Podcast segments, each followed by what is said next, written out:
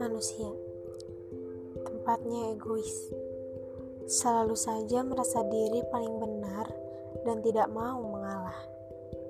Betul, memang melarikan diri dari rumah tidak menyelesaikan masalah, tapi itu adalah salah satu cara menenangkan diri.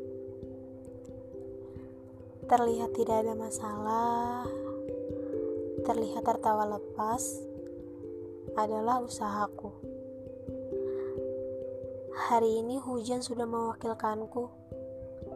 Rintik yang turun dari awan adalah perasaanku saat ini. Isi kepalaku saat ini adalah cara bagaimana bisa mengendalikan semua yang menguasai tubuh dan pikiranku.